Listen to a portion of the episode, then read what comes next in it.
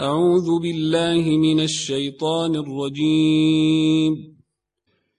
بسم الله الرحمن الرحيم. القارعة ما القارعة وما أدريك ما القارعة يوم يكون الناس كالفراش المبثوث وتكون الجبال كالعهن المنفوش. فأما من ثقلت موازينه فهو في عيشة راضية.